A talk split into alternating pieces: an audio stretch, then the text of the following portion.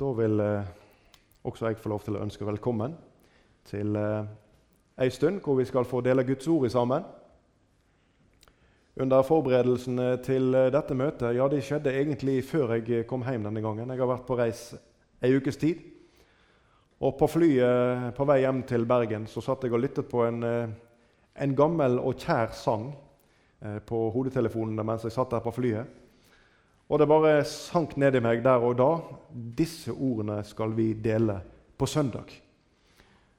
Så i tro til at Gud eh, talte tydelig med meg der, så tenker jeg at vi skal dele de ordene som jeg ble minnet om.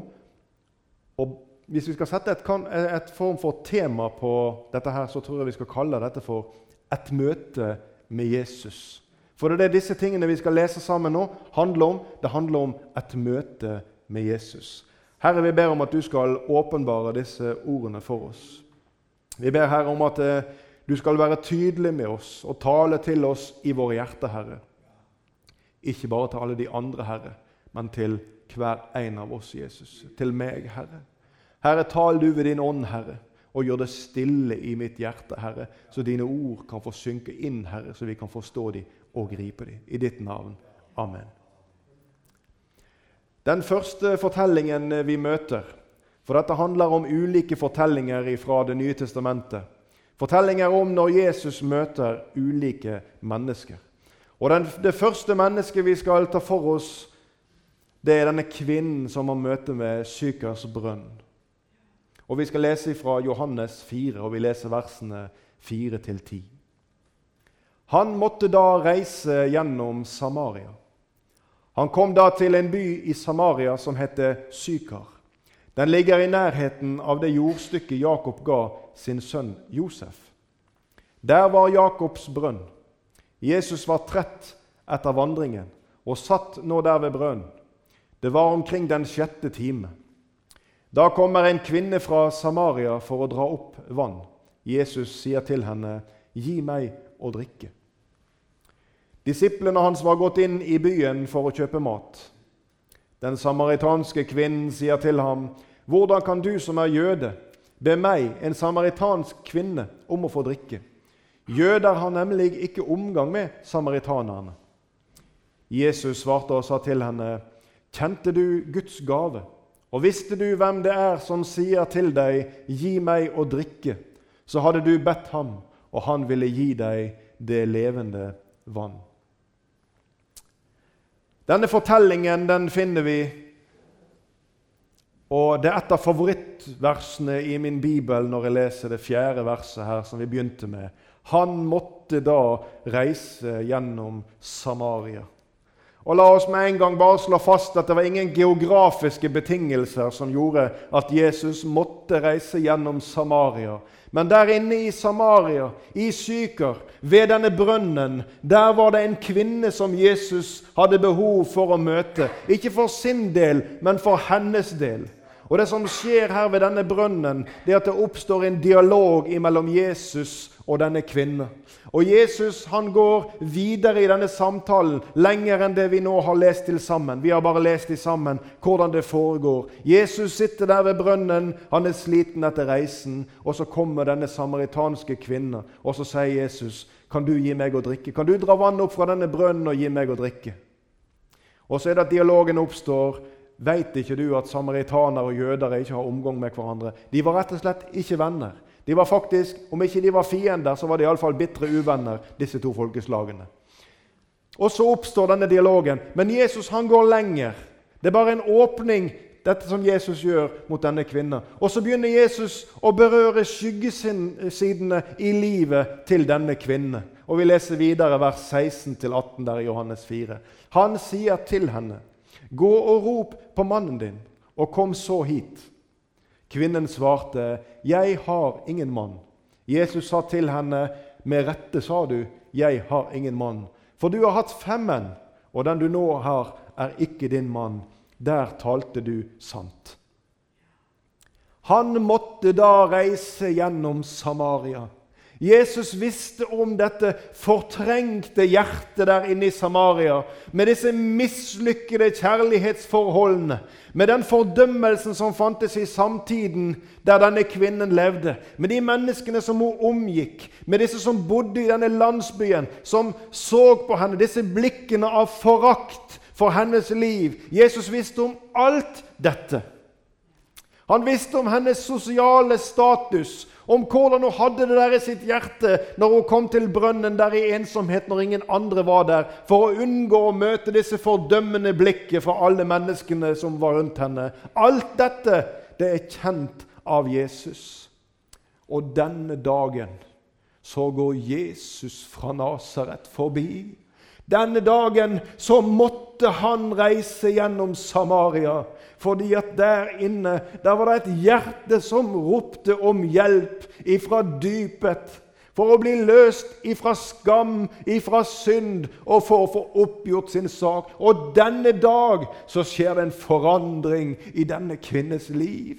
For istedenfor å gå i rette med Jesus og starte en diskusjon med han og si til han, 'Hvorfor spør du meg om det? Har du noe med det å gjøre?' Så forstår denne kvinne hvem denne mannen er.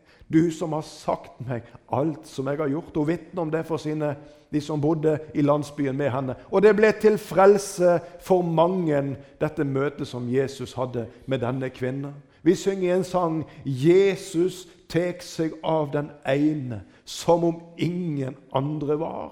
Han har tid for deg og time ja, når ingen andre har.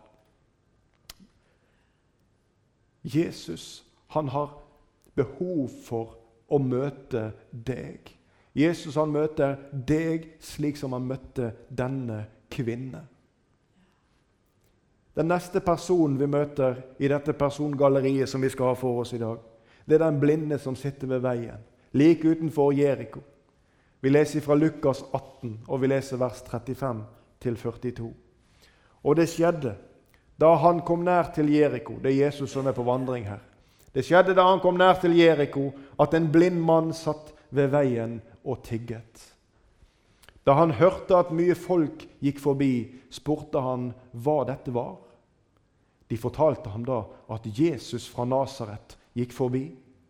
Og han ropte og sa, 'Jesus, du Davids sønn, miskunn deg over meg.' Men de som gikk foran, de truet ham at han skulle tie.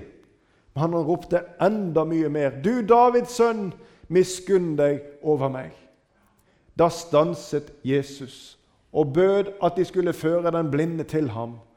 Og da han var kommet, fre, kommet nær, spurte han ham, 'Hva vil du jeg skal gjøre for deg. Han sa, 'Herre, at jeg må få syne igjen.' Og Jesus sa til ham, 'Bli seende, din tro har frelst deg.' Du, Denne blindes tilstand den, den kan vi forestille oss. Han hadde ikke noe Nav han kunne gå til for å få hjelp. Han hadde ingen annet støtteapparat rundt seg som han kunne snu seg til der han satt i sin blindhet. Å være blind på denne tiden det betyr å være sosialt utstøtt. Det betyr å være uten inntektsevne. Det betyr å være hjelpeløs og fattig. Og vi kan ane gjennom denne bibelteksten at kanskje det har skjedd en forandring i denne mannens liv. Det har kanskje ikke alltid vært sånn. For vi leste i Lukas ja Her står det 14, men det skulle stått 41. Han sa, 'Herre, at jeg må få synet igjen. Vi kan ane at det har skjedd noe hos denne mannen. Vi kan kanskje forestille oss Bibelen forteller oss ikke dette. Men Bibelen, vi kan forestille oss at denne mannen har hatt et liv hvor livet på en måte har vært vanlig i forhold til datiden. Hvor han har kunnet hatt arbeidsevne, hvor han har kunnet tjene til livets opphold. Hvor han ikke har måttet vært avhengig av andre mennesker. Hvor han kunne se det som var rundt seg. Hvor han kunne slippe å være fattig. Men så har det skjedd noe i denne mannens liv. Det har skjedd en dramatisk endring. Han mista det som var viktigst for ham. Han mista synet. Han mista arbeid. Han mista inntekt. Han mista det å kunne være selvhjulpen. Og her sitter han i veikanten denne dagen. Jeg syns nærmest jeg kan høre det skrangle i koppen hans der han sitter, når den store folkemengden går forbi. Og så lurer han på hva er det som skjer. Og så får han rede på jo, Jesus fra Nasaret, han går forbi. Denne dagen så skjønner mannen dette er min sjanse. Han som jeg har bare hørt om, han passerer nå forbi på min vei.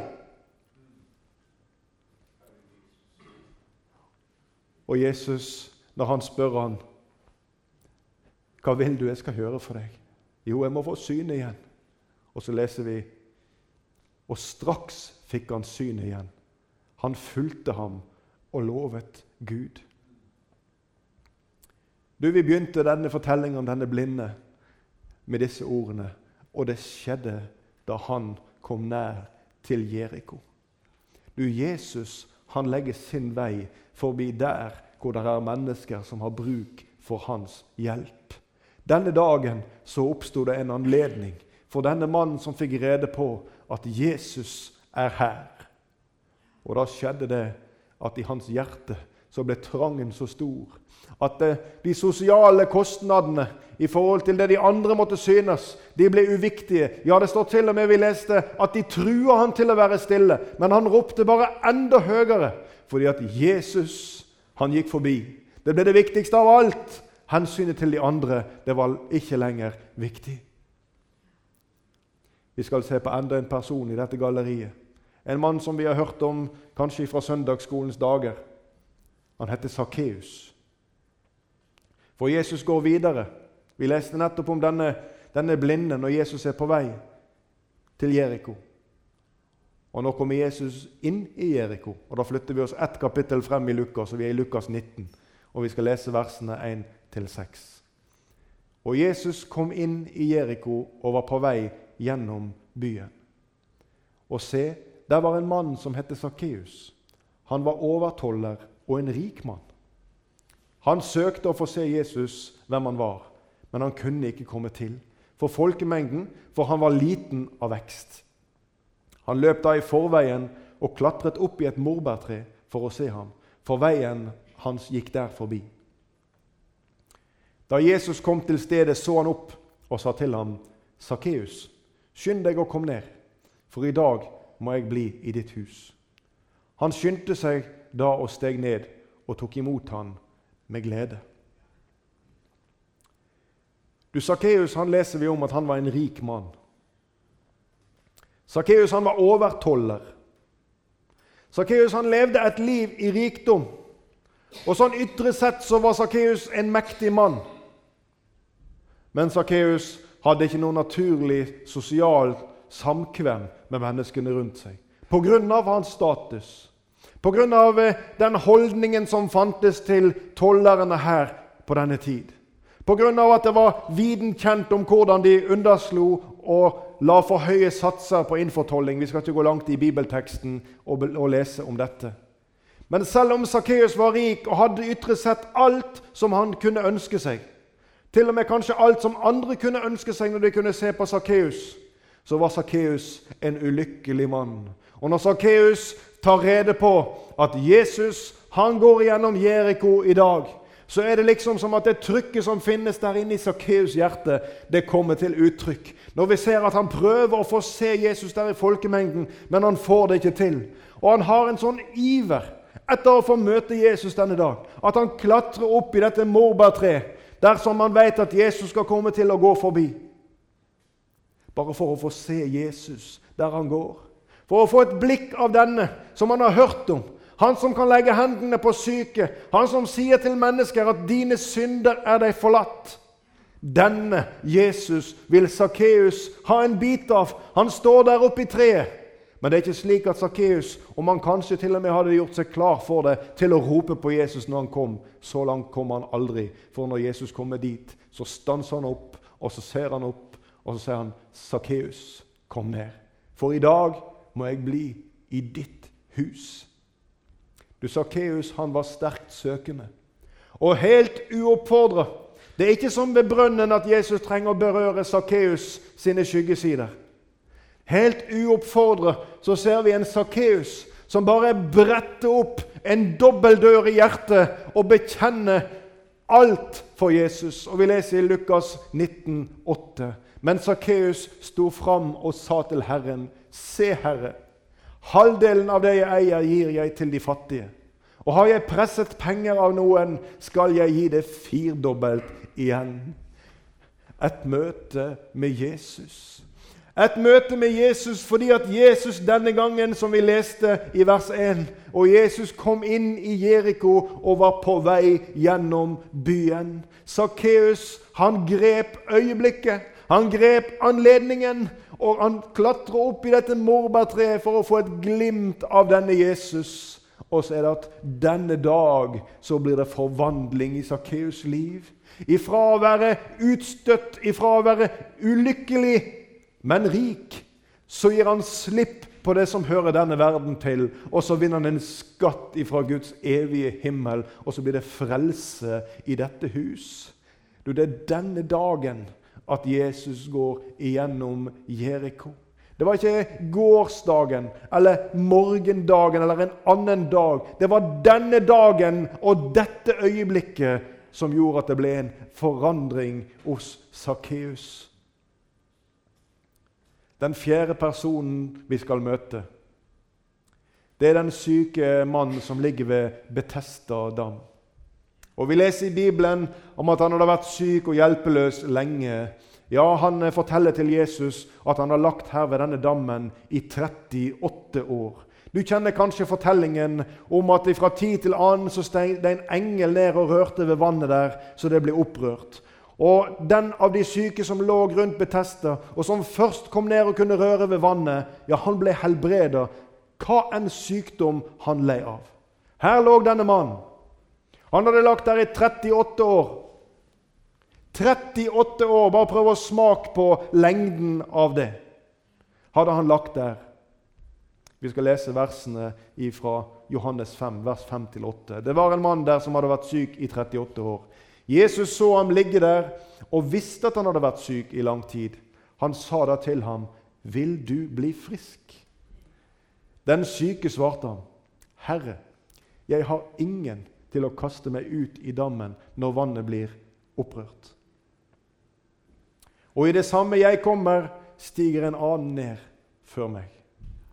Da sier Jesus til ham, stå opp, ta båren din og gå. Du, denne mannens situasjon, som syk, som hjelpeløs Og vi kan ane gjennom det han svarer Jesus med når Jesus spør ham, vil du bli frisk. Svaret til denne mannen er ikke noe sånn ubetinga ja eller halleluja fordi at nå er Jesus kommet her. Nei, denne mannen han bryter ut i en klagesang. Han har lagt her i 38 år. Og hver gang Jesus, når jeg skal komme ned til det der vannet, og jeg har nesten klart det, ja, da kommer det noen andre og rører med det før meg. Vi snakker om en mann som er desillusjonert, som har gitt opp. En som har fokus på problemet, at han aldri kan klare å komme først ned. Og Han klarer liksom ikke ta inn over seg Jesus' spørsmål når Jesus som så han ligge der, og som visste han hadde vært syk i lang tid, og som sier til han, 'Vil du bli frisk?' Vi leser vers 7 igjen. Herre, jeg har ingen til å kaste meg ut i dammen når vannet blir opprørt, og i det samme jeg kommer, stiger en annen ned før meg. Når jeg leste disse bibelordene, så minner det meg om en annen bibelfortelling som vi finner i andre Mosebok, og vi skal kort se på den. Det handler om et helt folk, Israels folk, som er under slaveri i Egypt. Dette er like før de skal bli utfridd fra Egypten. Moses har vært hos folket. Han har sagt til dem at 'Gud har sendt meg'. Han har sagt at han skal fri dere ut ifra dette slaveriet. Og han skal gi dere et nytt land, et land som skal være deres eget. Et land som flyter av melk og honning. Og han skal føre dere der. Og så er det at folket, de jubler. Og så er det at når Moses går til farao og ber om at Israel skal få gå ut, ja, så er det at farao legger enda større straffedommer på folket. Det blir enda mer slaveri. Det blir enda tyngre arbeid. Og folket er slitne og utmatte. Men Gud han går til Moses på nytt og så ber han om å gå til dem med dette budskap. Vi skal lese 2. Mosebok kapittel 6 og vers 6-7. Si derfor til Israels barn, jeg er Herren. Jeg vil føre dere ut fra de tunge byrdene egypterne har lagt på dere, og befri dere fra trellearbeidet under dem. Jeg vil forløse dere. med utdrakt arm og med store straffedommer.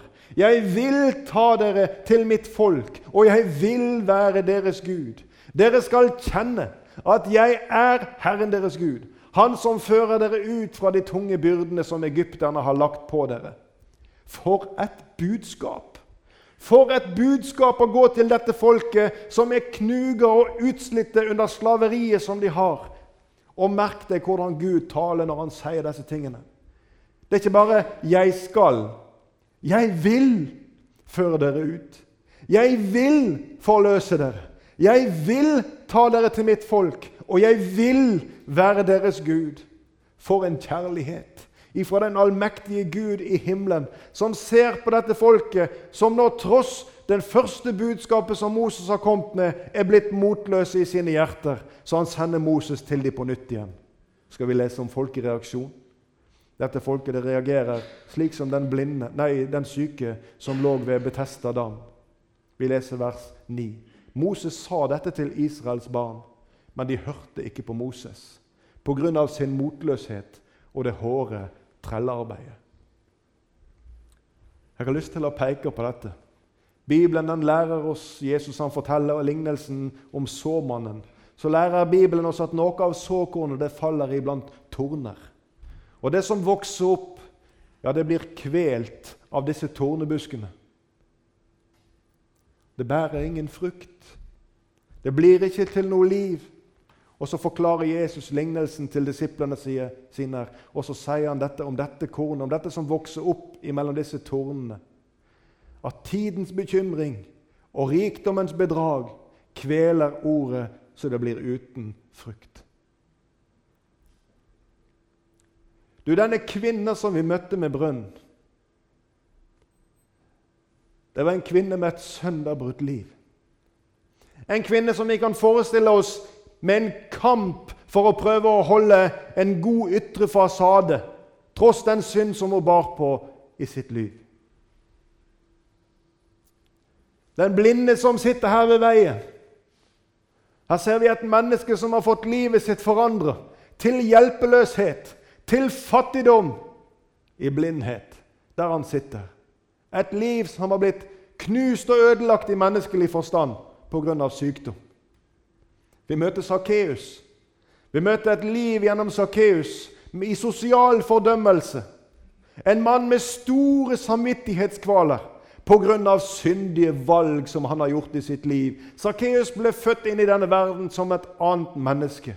Men gjennom sin oppvekst og gjennom det han tilegnet seg av kunnskap, gjennom den karriere som han påtok seg, så tok, tok Sakkeus på et tidspunkt gale valg.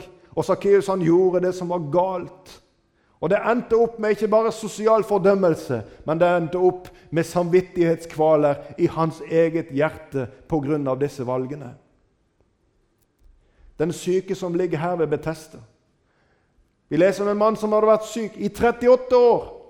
En mann som på en måte har resignert. Han har gitt opp. En mann som ikke lenger ser at det finnes noen løsning for ham. Vi finner kanskje et spor av selvmedlidenhet i denne som ligger her, i det klagesangen lyder til Jesus, at eh, noen andre kommer alltid ned før meg. Jeg får ikke dette til, og jeg har ingen til å hjelpe meg. Du Fellesnevneren for alle disse som vi har vært igjennom her nå, det er at alle disse de hadde et behov for et møte med Jesus. Både kvinnen med brønnen og den blinde og Sakkeus og den syke ved Betester hadde et stort behov for et møte med Jesus. Og jeg har lyst til å spørre deg som hører på disse ordene i dag, om ikke du bærer navn av noen av disse som vi har lest. Hvilke av disse beskrivelsene passer best i ditt liv? Har du plager av et sønderbrutt liv i en kamp for å holde fasaden for de som er rundt deg? Har du opplevd sykdom i livet ditt som gjør at ting har gått i stykker? Eller bærer du på samvittighetskvaler, som Sakkeus gjorde? Kanskje har du vært syk hele livet, du som hører disse ordene. Kanskje har du gitt opp som den blinde, eller kanskje har du gitt opp som den syke som lå ved Betesta. Du har bruk for et møte med Jesus. Jesus han sier til deg i dag som hører disse ord, i Matteus 11,28. Kom til meg, alle dere som strever og har tungt å bære, og jeg vil gi dere hvile. Det er den samme røst som lyder ved Moses til Israels folk.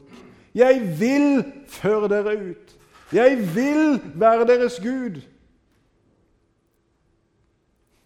Gud har omsorg for deg, kjære venn som hører dette. Kom til meg, alle. Og istedenfor alle, så kan du sette inn ditt navn. Kom til meg, Morgan, som strever av tungt å bære. Kom til meg, Øyvind. Kom til meg, Yngve, Toril. Og du kan sette inn ditt navn, og det gjelder for deg, disse ordene. Dette tilbudet som Jesus har til deg i dag. Kom til meg, du som strever av tungt å bære. Og jeg vil gi deg hvile. Trenger du et møte med Jesus, kjære venn? Du har kanskje levd med Jesus i mange år, du som hører dette. Trenger du en fornyelse? Trenger du at Jesus skal røre ved ditt hjerte, at han ved sin ånd kan få opptenne det liv som en gang fantes i ditt hjerte? Eller kanskje for første gang, du som hører dette, som bærer på fordømmelse i ditt liv og ser ingen utvei. Jesus elsker deg. For så høyt har Gud elsket verden, at han gav sin sønn, den enbårne, for at hver den, og kjære deg, hver den ikke bare vær den som fikk det til, eller vær den som klarte å gjøre det på den rette måten, den som var flink å be om tilgivelse. Nei, vær den som tror på ham, ikke skal fortapes, men ha evig liv. Kjære deg, trenger du et nytt møte med Jesus, eller et førstegangsmøte med Jesus? Marit og Irene de er kjent i Norge. De synger blant mange fine sanger også denne sang. Et møte med Jesus forvandler alt. Gir glød til det hjertet som var så kaldt. Den sorgfulle gledes, den svake får kraft. Og gi meg et møte med Jesus. Du, Jesus, han går i møte med mennesker.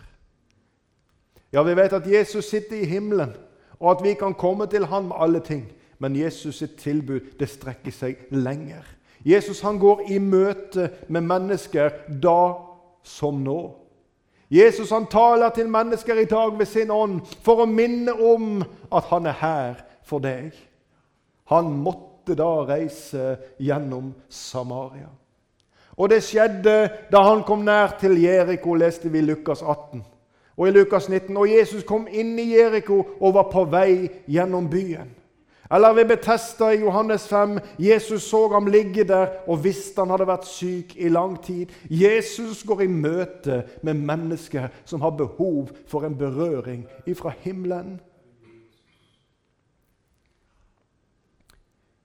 Vi leser i Bibelen om Guds vilje for deg. Vet du hva som er Guds vilje for deg? Vi skal lese fra 1. Timoteus, kapittel 2 og vers 4. Der står det Han som vil at alle mennesker skal bli frelst og komme til sannhetserkjennelse. Og dette er de ordene som jeg sang i den første sangen til dere, som er skrevet av Elvis Presley, som sent ut i sin karriere måtte utbryte og si at han skulle ønske han hadde blitt værende i gospelmusikk. Gud, hjelp meg å gå enn et steg, kun et steg. Jeg er trett av å gå her i min ensomhet. Jeg tror ikke det var det bildet verden hadde av Elvis Presley. Men refrenget på den sangen som han skriver Jeg ei forsto at jeg behøvde hjelp før nå. Jeg hadde for meg at jeg kunne klare allting selv. Men nå jeg innser at min egen kraft er slutt, så i ydmykhet jeg bøyer kne og ber deg, Jesus, hjelp meg. Denne sangen som Elvis skrev, den heter 'Help Me'. Hjelp meg. Og Det er litt av innholdet i dette verset med Guds vilje for menneskers liv. At alle skal bli frelst, ja, det skjer ved tro. Og så leste vi den siste delen av dette verset. Og at menneskene skal komme til sannhetserkjennelse. Og denne erkjennelsen den ligger i dette refrenget. I ydmykhet jeg bøyer kne og ber deg, Jesus, hjelp meg. Du, Jesus' spørsmål det er fremdeles det samme her i arken i dag.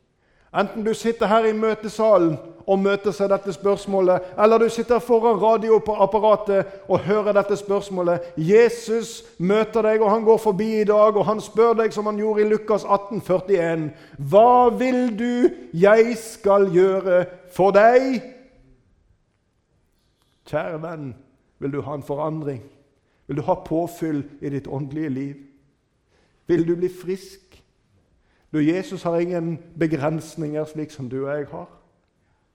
Men han spør bare så enkelt hva vil du jeg skal gjøre for deg? Du, Mellom oss mennesker så er det slik at når vi sier til noen at 'jeg kan hjelpe deg', ja, så må det være liksom innenfor den rammen av det vi kan makte å gjøre noe med. Det må være noe vi kan hjelpe med. Vi kan hjelpe noen å bære inn handleposene, eller vi kan hjelpe med å gjøre noe praktisk.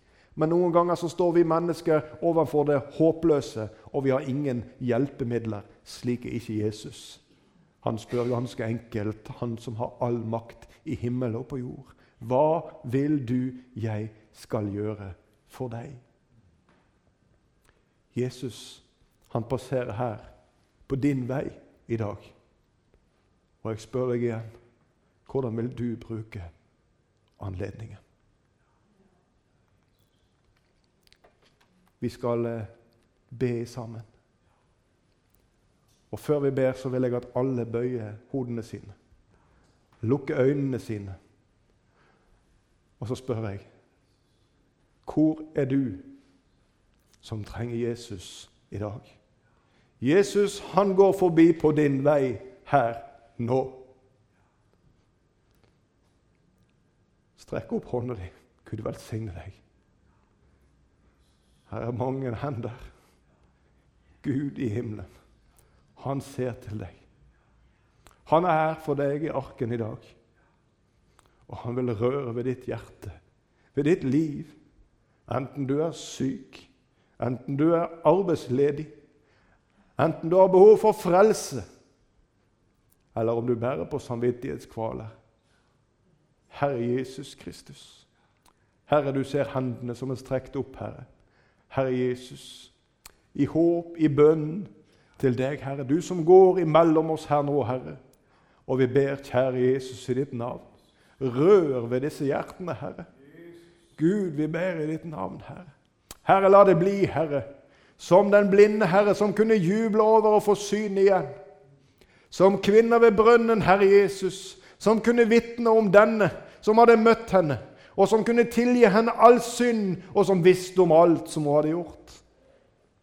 Herre, la det få bli som det ble for den som var desillusjonert, som hadde mista alt håp der han lå i selvmedlidenhet, Jesus, og som fikk oppleve de vidunderlige ordene 'Stå opp og ta båren din og gå'. Herre Jesus, du ser den som sitter her og, og ønsker å holde fasaden, Herre. Herre Jesus, må du bryte ned ethvert ytre stengsel må du gå til hjertene, Herre. Skap liv og gi fred, Herre, som bare du alene kan. Og vi ber i Jesu Kristi navn. Amen.